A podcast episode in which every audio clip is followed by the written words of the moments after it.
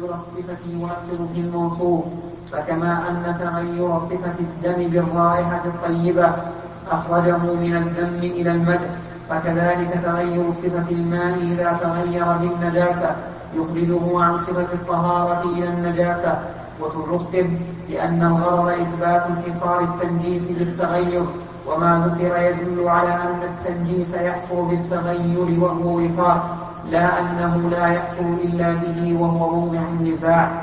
وقال بعضهم مقصود البخاري أن يبين طهارة المسك ردا على من يقول بدناسته لكونه دمن بجناسته ردا على من يقول بجناسته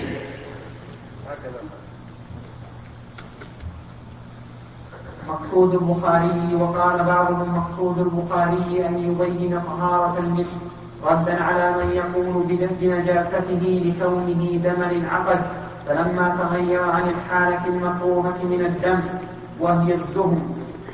وقبح الرائحة إلى الحالة الممدوحة وهي طيب رائحة المسك دخل عليه الحل وانتقل من حالة النجاسة إلى حالة الطهارة كالخمر كالخمرة إذا تخللت.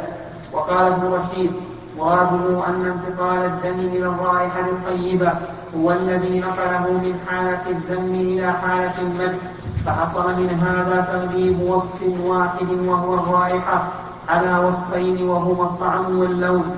فيستنبط منه أنه متى تغير أحد الأوصاف الثلاثة بصلاح أو فساد تبعه الوصفان الباقيان وكأنه أشار بذلك إلى رد ما نقل عن ربيعة وغيره أن تغير الوصف الواحد لا يؤثر حتى يجتمع وصفان قال ويمكن أن يستدل به على أن الماء إذا تغير ريحه بشيء طيب لا يسلبه اسم الماء كما أن الدم لم ينتقل عن اسم الدم مع تغير رائحته إلى رائحة المسك لأنه قد سماه دما مع تغير الريح.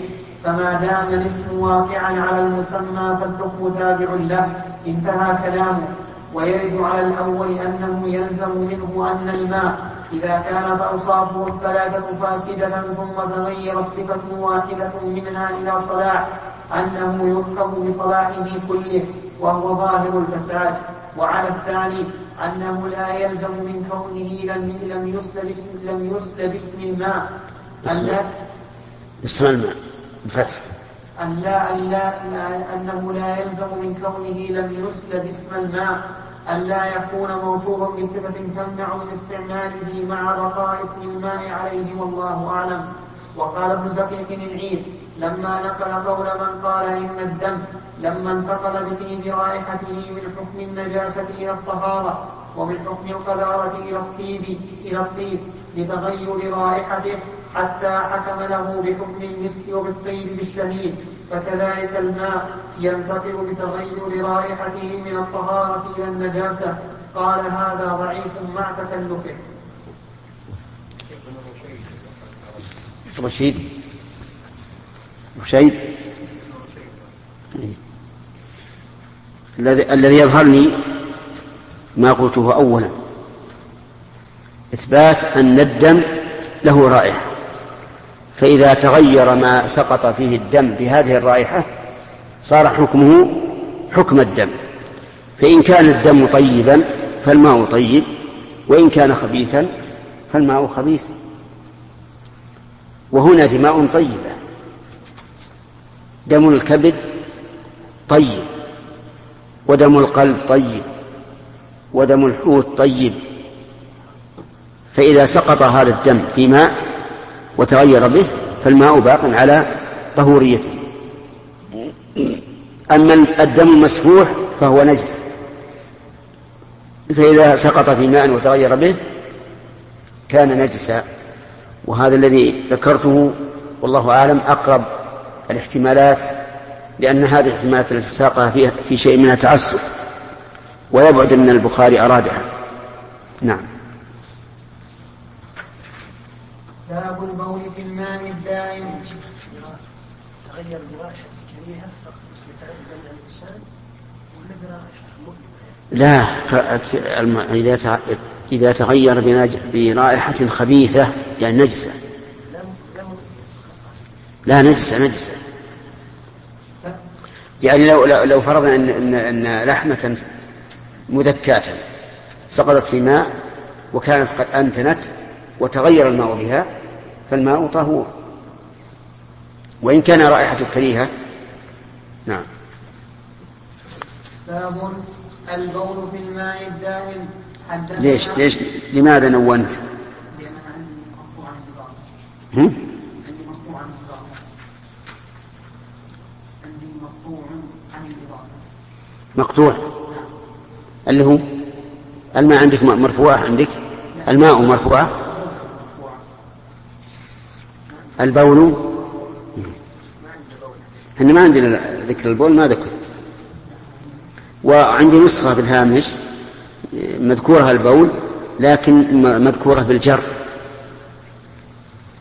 ولا وجه للقطع لأنه وش معنى باب؟ البول في الماء الراكد إيش البول وين الخبر؟ هو ما يأتي الباب مقطوعا عما بعده إلا إذا كان هناك خبر. يعني إذا صح إذا صلحت الجملة أن تكون خبرية بعد ذكر الباب صارت بالتنوين إيه باب النهي صح.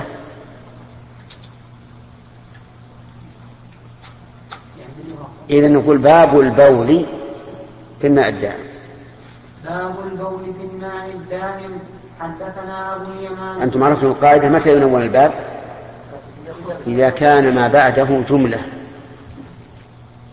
إذا كان ما بعده جملة فإنه ينون أما إذا كان ما بعده مفردا فإنه يضاف إلى ما بعده. لا يجب. يجب لأنه إذا أضيف بقي خبر المبتدأ متعلقا. نعم. أي هو صحيح. صحيح إنه مقصود حدثنا أبو اليمان قال أخبرنا شعيب قال أخبرنا أبو الزناد أن عبد الرحمن بن هرمز مثلا آه، باب البخاري مر علينا باب العلم قبل القول والعمل. هذا لا لا يستقيم ان ان تقطع أن تضيفه. لا يصح أن تقول باب العلم قبل القول والعمل. يتعين التنوين. نعم. أن عبد الرحمن بن بن هرمز الأعرج حدثه أنه سمع أبا هريرة أنه سمع رسول الله صلى الله عليه وسلم يقول نحن الآخرون السابقون وبإسناده قال لا يبولن أحدكم في الماء الدائم الذي لا يجري ثم يغتسل فيه نحن الآخرون يعني زمنا في الدنيا السابقون في الآخرة. في كل مواقف الآخرة هذه الأمة ولله الحمد هي الأولى. على الصراط وعلى دخول الجنة وعلى الميزان وعلى كل شيء.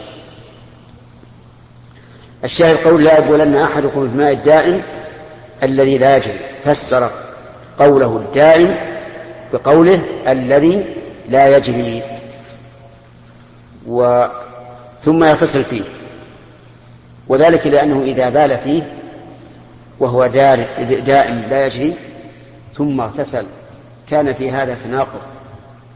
كيف تتطهر بماء أخبثته أنت ببولك ولا سيما إذا كان الماء قليلا.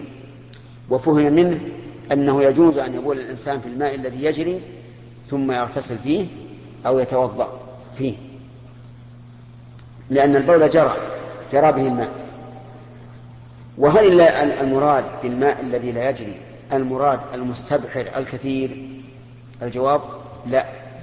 الماء المستبحر الكثير كما لو كان في في البحر أو في قطعة كبيرة منه لا تتأثر بهذا البول لا لا يضر. نعم. نعم. يصح. نعم. باب إذا ألقي على ظهر المصلي قدر أو جيفة لم تفسد عليه صلاته.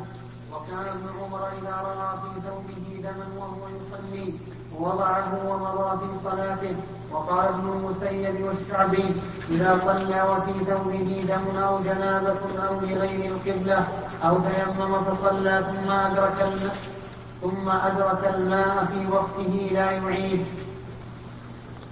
حدثنا عبدان قال أخبرني أبي الآثار هذه أثر ابن عمر رضي الله عنهما إذا رأى في ثوبه دما وهو يصلي وضعه ومضى في صلاته. ودليل هذا واضح وهو أن النبي صلى الله عليه وعلى آله وسلم كان يصلي بأصحابه فجاءه جبريل فأخبره أن فينا عليه قدرا فخلعهما ومضى. ولكن إذا كان لا يمكنه وضع الثوب إلا بكشف العورة بحيث لا يكون عليه إلا قميص واحد. وذكر أن فيه نجاسة أو رأى أن فيه نجاسة فماذا يصنع؟ هل يخلعه ويصلي عريانا أو يبقى يصلي فيه وهو نجس؟ نقول يخرج من الصلاة يخرج من الصلاة ويغير الثوب أو يغسله. ويستأنف من جديد. كذلك أيضا أثر المسيب والشعبي إذا صلى وفي ثوبه دم أو جنابة. فإنه أيضا فإن صلاته صحيحة. وقول أو لغير القبلة كذلك. صلاته صحيحة إذا كان جاهلا ولم يتمكن ممن يدله على القبلة. فإن كان يتمكن كما لو كان في في البلد وأمكنه أن يسأل الناس أين القبلة فإنه مفرط ويلزمه إعادة الصلاة. كذلك إذا تيمم وصلى ثم أدرك الماء في وقته لا يعيد كما جاءت به السنة في حديث أبي هريرة أن النبي صلى الله عليه وسلم بعث رجلين. فتيمما حين لم يجد الماء ثم وجد الماء بعد الصلاة. فأما أحدهما فتوضأ وأعاد الصلاة وأما الآخر فلم يعد الصلاة. فقال للذي توضأ وأعاد الصلاة قال له لك الأجر مرتين. وقال للذي لم يعد الصلاة أصبت السنة. نعم.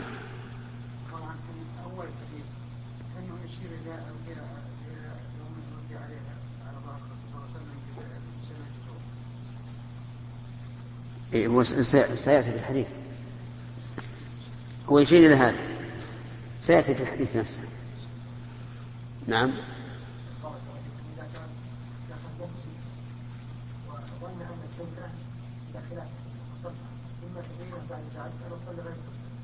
يعيد نعم ما لأن المساجد فيها علامة القبلة نعم وعادة أن الأبواب الكثيرة لا تكون في في قبل المسجد. إذا لم تكن في القبلة عرف أن هذا خلف القبلة.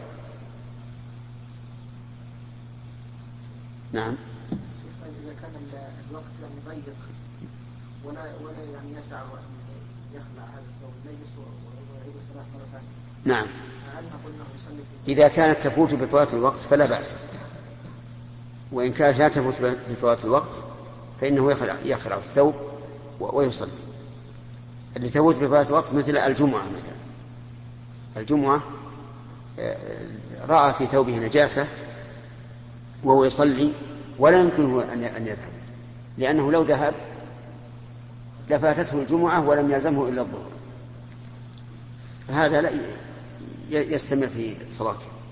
كما قلنا إنه إذا أحدث ولا يمكنه أن يذهب يتوضأ فإن ذهب فاتته الجمعة فإنه يتيمم ويصلي الجمعة. نعم.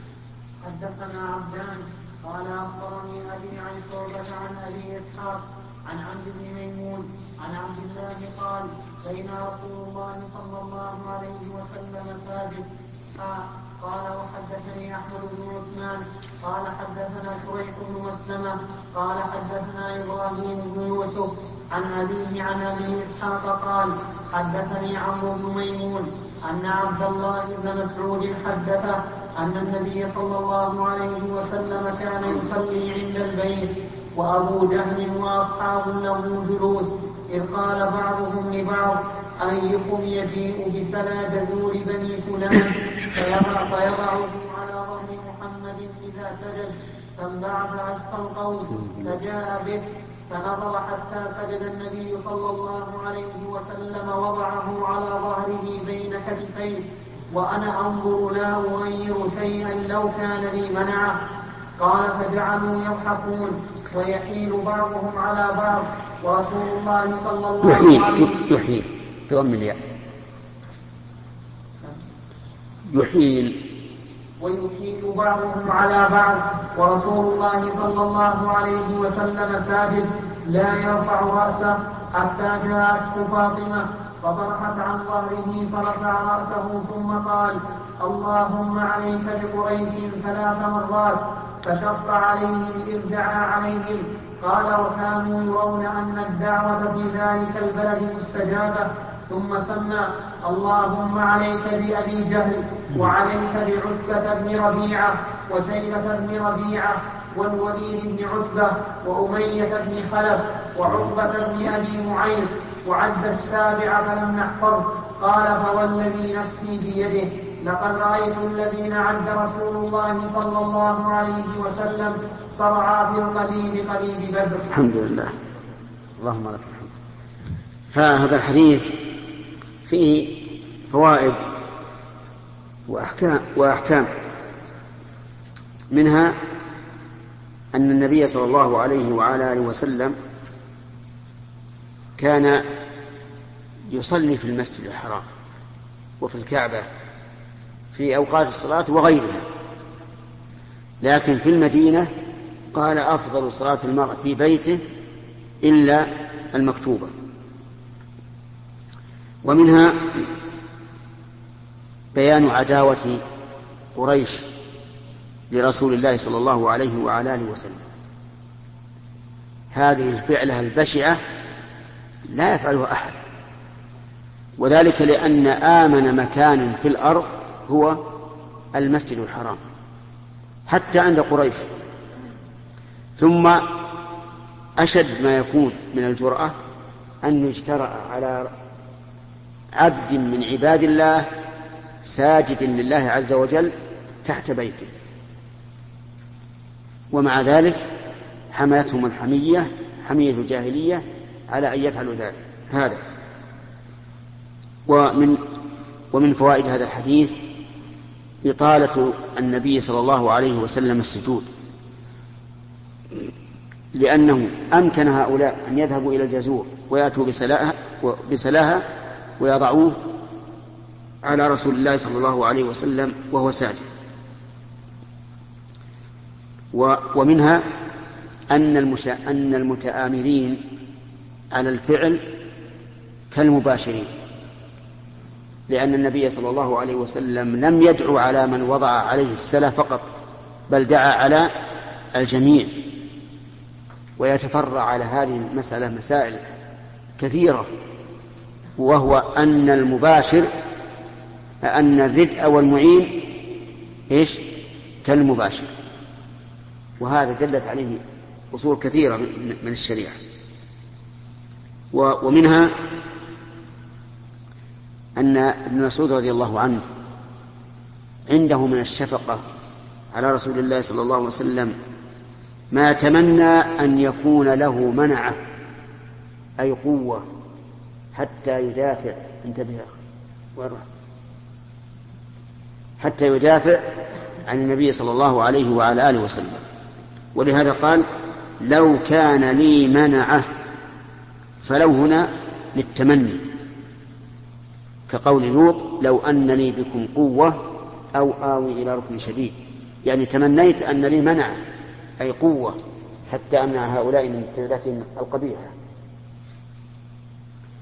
ومنها تصديق قول الله تعالى إن الذين أجرموا كانوا من الذين آمنوا يضحكون. فإن هؤلاء القوم لما أتوا بهذه الفعلة التي يظنون أنهم أهانوا بها رسول الله صلى الله عليه وعلى آله وسلم جعلوا يضحكون حتى إن بعضهم يميل إلى بعض من شدة الضحك. قاتلهم الله. ومنها أن الرسول عليه الصلاة والسلام تأخر في السجود لما وضعوا عليه ذلك. والله أعلم لماذا تأخر. حتى جاءت ابنته فاطمة فأزالت عنه هذا هذا السلام ومنها جواز جهر الإنسان بمن يدعو عليهم. لأن الرسول صلى الله عليه وسلم جهر بالدعاء على هؤلاء. وهل كان ذلك بعد أن فرغ من صلاته أو قبل ذلك؟ إن كان بعد أن فرغ من صلاته فربما يستدل به على جواز الدعاء بعد صلاة النافلة. لأن الرسول دعا بعد صلاة النافلة. وإن كان قبل ذلك فلا إشكال. وإذا كان الحديث محتملا رجعنا إلى النصوص المحكمة. وهي أن النبي صلى الله عليه وعلى آله وسلم أمر الناس إذا أرادوا أن يدعوا أن يدعوا قبل السلام. فقال في التشهد لما ذكر التشهد قال ثم ليتخير من الدعاء ما شاء. ولهذا نقول الدعاء بعد السلام على وجه راتب دائم كما يفعله كثير من الناس هنا في صلاة النافلة. كلما صلى نافلة رفع يديه يدعو هذا من البدع. لأن عمل رسول الله صلى الله عليه وعلى آله وسلم بين أيدينا وما كان يفعل ذلك. وإذا وجد سبب الحكم في عهد الرسول عليه الصلاة والسلام فلم يفعله دل على أن السنة فعله أو تركه تركه. ثم إن الرسول عليه الصلاة والسلام أرشدنا إلى مكان الدعاء. وهو قبل السلام. ثم إن النظر يقتضي ذلك أيضا لأن الإنسان ما دام يصلي فهو بين يدي الله عز وجل يناجي ربه. فهل من الحكمة أنه بعد أن تفرغ من الصلاة وأن تنقطع المناجاة وتنقطع المناجاة بينك وبين ربك أن تدعو أو أن الحكمة أن تدعو ما دامت المناجاة قائمة؟ الثاني لا شك. ولهذا نقول اعتياد هذا ليس من السنة لكن إن فعله الإنسان أحيانا على وجه نأمن من ال... من الاقتداء به فلا بأس. يعني مثلا في بيته في بيته عندما سلم استدرك وأراد أن يدعو بشيء لم يدعو به من قبل فلا بأس. أما في المسجد ولا سيما أما في المسجد فإذا كان الإنسان ممن يقتدى به فلا يفعل ولو لم يكن ذلك راتبا لأنه قد لا يراه أحد إلا في في هذه المرة. فيتخذ من هذا يتخذ من هذا سنة إذا كان الإنسان مما يقتدى به. وفيه أيضا آية من آيات الله عز وجل ومن آيات الرسول صلى الله عليه وسلم.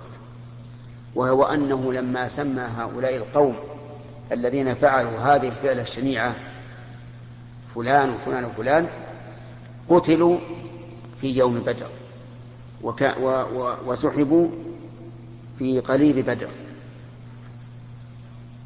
مع أنهم جاءوا إلى بدر على أساس أنهم يريدون بذلك الانتصار على رسول الله صلى الله عليه وعلى آله وسلم.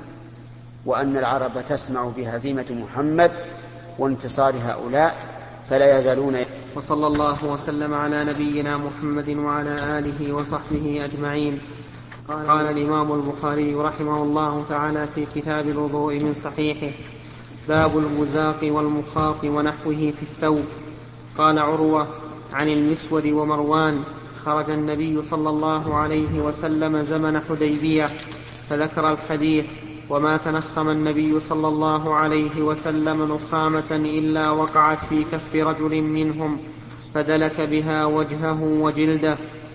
حدثنا محمد بن يوسف قال حدثنا سفيان عن حميد عن أنس قال بزق النبي صلى الله عليه وسلم في ثوبه طوله ابن أبي مريم.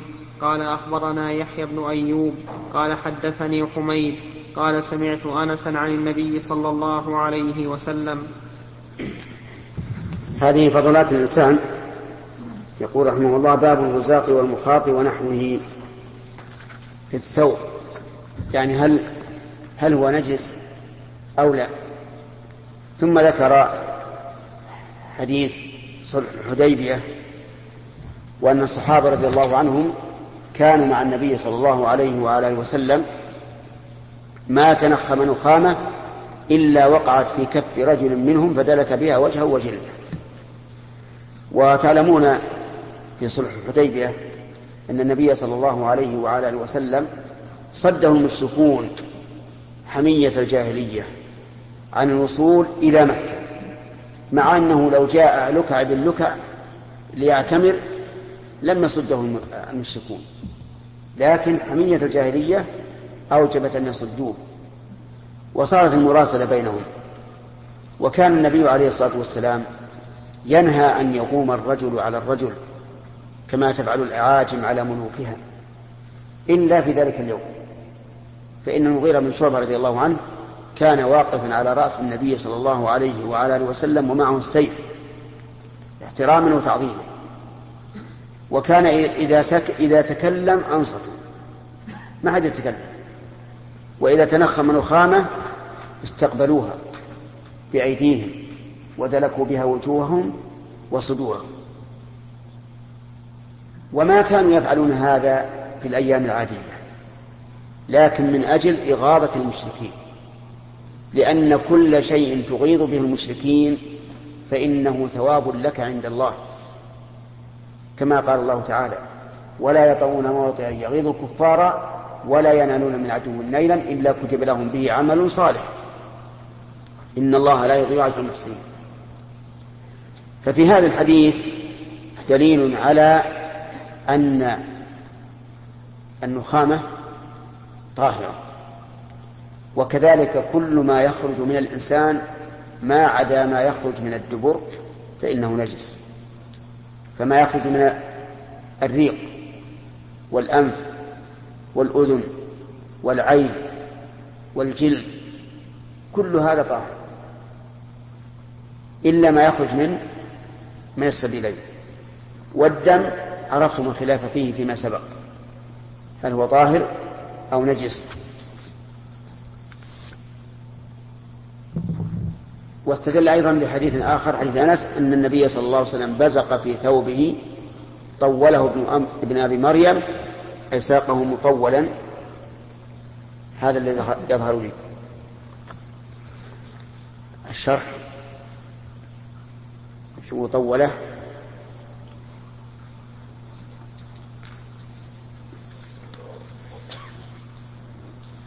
قوله طوله ابن قوله طوله ابن أبي مريم هو سعيد بن الحكم المصري أحد شيوخ البخاري.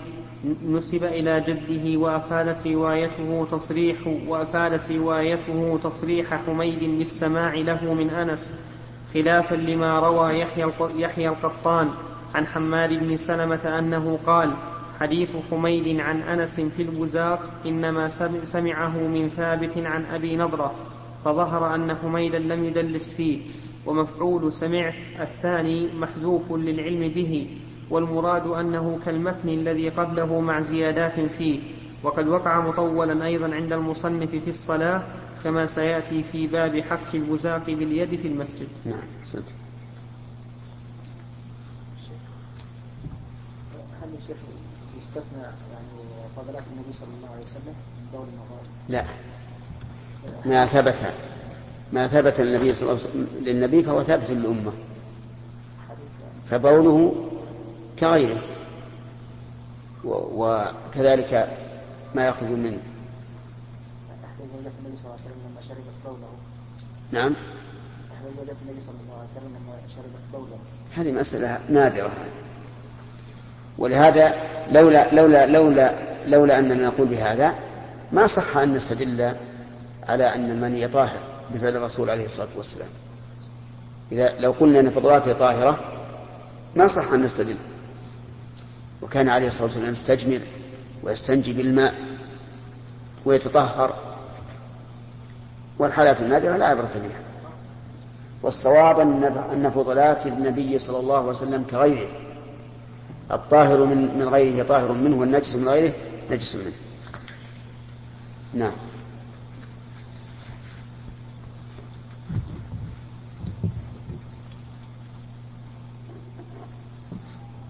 باب لا يجوز الوضوء بالنبيذ ولا المسكر وكرهه الحسن وأبو العالية وقال عطاء التيمم أحب إلي من الوضوء بالنبيذ واللبن. حدثنا علي بن عبد الله قال حدثنا سفيان قال حدثنا الزهري عن أبي سلمة عن عائشة عن النبي صلى الله عليه وسلم قال كل شراب أسكر فهو حرام. نعم. لا يجوز الوضوء بالنبيذ لأنه خرج عن كونه ماء إلى كونه نبيذا. والنبيذ هو الذي ينبذ فيه التمر أو الزبيب أو الشعير أو البر أو ما أشبه ذلك. فينبذ فيه أن يطرح ويبقى يوما أو يومين ثم يشرب. فلا يجوز أن يتوضأ الإنسان بالنبيذ. لأنه شراب خرج عن كونه ماء. وكذلك المسكر الخمر. يعني إذا غلا هذا النبيذ حتى أسكر فإنه لا يجوز أن يتوضأ به. لأنه خرج عن كونه عن كونه ماء. ولكن هل المسكر نجس؟ أو لا؟ في هذا خلاف. وما هو المسكر أيضا؟ هل كل ما غطى العقل فهو مسكر؟ لا. ولهذا نقول البنج ليس مسكرا. لأنه يغطي العقل لكن ليس ليس مسكرا. لأن المسكر ما غطى العقل على وجه اللذة والطرب. يعني يجد الإنسان نشوة ولذة. الذي يبنج هل يجد هذا؟ لا. فالبنج ليس مسكرا. وأما المسكر فهو ما غطى العقل على وجه اللذة والطرب وهذا محرم بالكتاب والسنة والإجماع. لكن هل هو هل هو نجس؟ أكثر العلماء وجمهور الأمة على أنه نجس. والصحيح أنه ليس بنجس أي نجاسة حسية. وقد ذكرنا فيما سبق أدلة ذلك.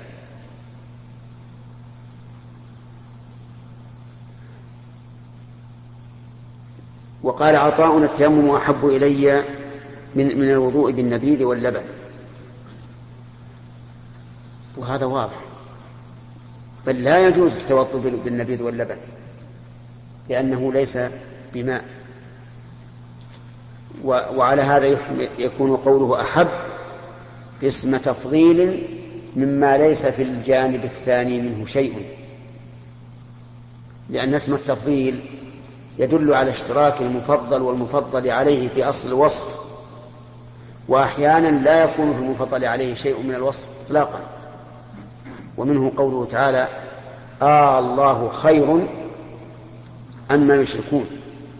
وقوله تعالى أصحاب الجنة يومئذ خير مستقرا وأحسن مقيلا. ولا خير ولا خيرية في مستقر النار ولا مقيل النار. ثم قال كل شراب أسكر فهو حرام. ومفهومه كل شراب لم يسكر فهو فهو حلال.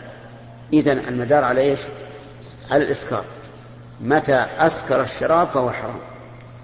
وكذلك لو أسكر المأكول لو كان هناك عجينة فيها خمر إذا أكل الإنسان منها سكر فالحكم فيها كالشراب نعم بارك الله فيكم لو بعض المشروبات هذه القهوة والشاي أحيانا زاد في كيفية طبخها فتكون لها نشوة في الجسم يزال بها. الشاي مثلا يكثر ورق الشاي ثم يغلى كثيرا يؤثر في ازدياد نشاط جسم الإنسان إيش؟ يؤثر في ازدياد نشاط جسم الإنسان. عجيب. نعم. مؤكد؟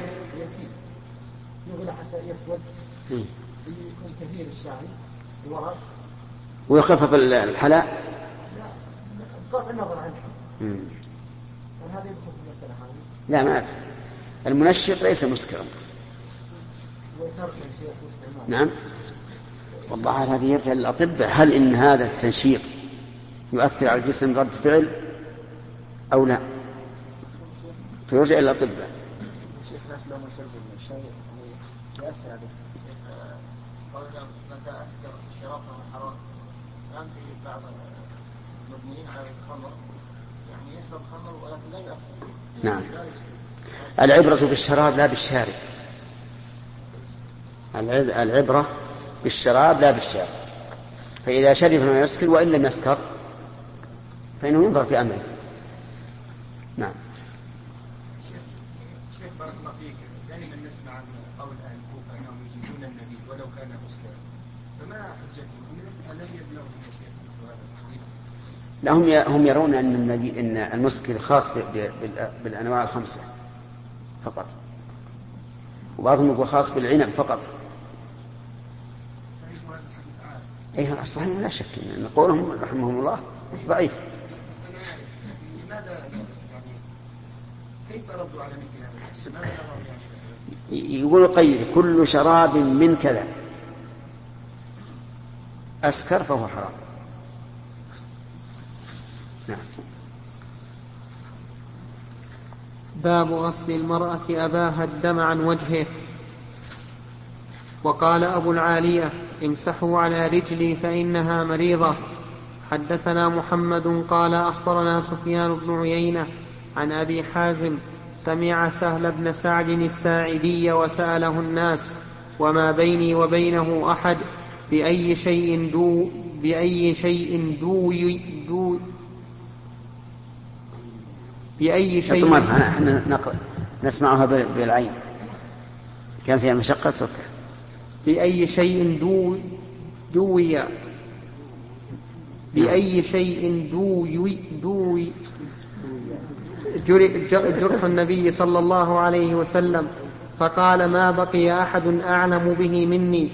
كان علي يجيء بترسه فيه ماء وفاطمة تغسل عن وجهه الدم فأخذ حصير فأحرق فحشي به جرحه. اللهم صل وسلم عليه. الله أكبر. هذا يدل على أن الدم نجس بدليل أن أن فاطمة كانت تصله عن وجه النبي صلى الله عليه وعلى آله وسلم. وقد سبق أنه لا دلالة في ذلك لاحتمال أن يكون غسلها إياه من أجل التنظيف تنظيف الوجه. لأن الإنسان لا يريد أن يبقى وجهه ملطخا بالدم. وإذا وجد الاحتمال بطل الاستلزام وفي هذا دليل على أن مما يوقف الدم ما ذكر في هذا الحديث. أن يؤخذ حصير يعني من خوص النخل ويحرق. ثم آه، يدك به الجرح. فهذا يمسكه وهو مجرب. مجرب. كنا صغارا نعمل هذا. وكذلك أيضا بعض الناس يحرق الخرق. يحرقها ثم يضرها على مكان الجرح و و ويقف وكذلك بعض الناس يأخذ عش العنكبوت الذي يكون في السقوف. سابقا الآن السقوف الحمد لله ما فيها عش لكن سابقا فيؤخذ العش ويضمد به الجرح ويقف الدم. لكن الآن الحمد لله ظهرت أدوية توقف الدم تماما بدون أي مشقة. نعم. باب السواك. وقال ابن عباس بت عند النبي صلى الله عليه وسلم فاستن. حدثنا أبو النعمان. قال حدثنا حماد بن زيد عن غيلان بن جرير عن أبي بردة عن أبيه قال أتيت النبي صلى الله عليه وسلم فوجدته يستن بسواك بيده يقول أع أع والسواك في فيه كأنه يتهوع. حدثنا عثمان قال حدثنا جرير عن منصور عن أبي وائل عن حذيفة قال كان النبي صلى الله عليه وسلم إذا قام من الليل يشوص فاه بالسواك. صلى الله عليه وسلم. باب السواك. السواك يطلق على الآلة التي يتسوك بها ويطلق على التسوك الذي هو الفعل. لكنه على الآلة لا إشكال فيه وعلى الفعل يكون اسم مصدر لأن المصدر من تسوك إيش؟ تسوكا. والسواك اسم مصدر. مثل الكلام اسم مصدر لتكلم. والمصدر تكليم. فيطلق السواك إذن على فعل التسوك وعلى الآلة التي يتسوق بها. والسواك سنة. في كل وقت. لحديث عائشة رضي الله عنها أن النبي صلى الله عليه وعلى آله وسلم قال السواك مطهرة للفم مرضاة للرب. ففيه فائدتان الفائدة الأولى أنه يطهر الفم والفائدة الثانية أنه يرضي الرب. ولو لم يكن منه إلا رضا الرب عز وجل لكان كافيا. فهو مسنون كل وقت لكنه يتأكد في مواضع. منها إذا قام الإنسان من النوم. كما قال ابن عباس رضي الله عنهما بت عند النبي صلى الله عليه وعلى آله وسلم فاستن وقال حذيفة كان النبي صلى الله عليه وعلى آله وسلم إذا قام من الليل يشوص فاه بالسواك يشوص أي يدلكه بالماء وفاه أي فمه يشمل الأسنان واللثة واللسان. كل هذا كان الرسول عليه الصلاة والسلام يتسوق يتسوق عليه. وكان صلى الله عليه وسلم أحيانا يبالغ في السواك. كما قال أبو موسى إنه أتى النبي صلى الله عليه وسلم فوجده يستن بسواك بيده يقول أع أع. والسواك في فيه كأنه يتهوع أي يتقيأ لأنه يبالغ. لكن المبالغة قد تشمئز منها النفوس إذا كان عندك أحد. ويكفي في السنة أن تأتي بها في البيت ولا سيما عند القيام من النوم فإن الإنسان يحتاج إلى المبالغة في التسوق. إذا يسن التسوق متى يتأكد السواك عند القيام من الليل لفعل النبي صلى الله عليه وآله وسلم ولأن الفم يتغير كثيرا. نعم انتهى الوقت؟ لا شوف لاحظ الآن. باقي دقيقة لو كان يؤذن على سبع. الآن يؤذن على ست وتسع وخمسين دقيقة. نعم؟ ما بقي شيء. ولاحظوا الآن الآن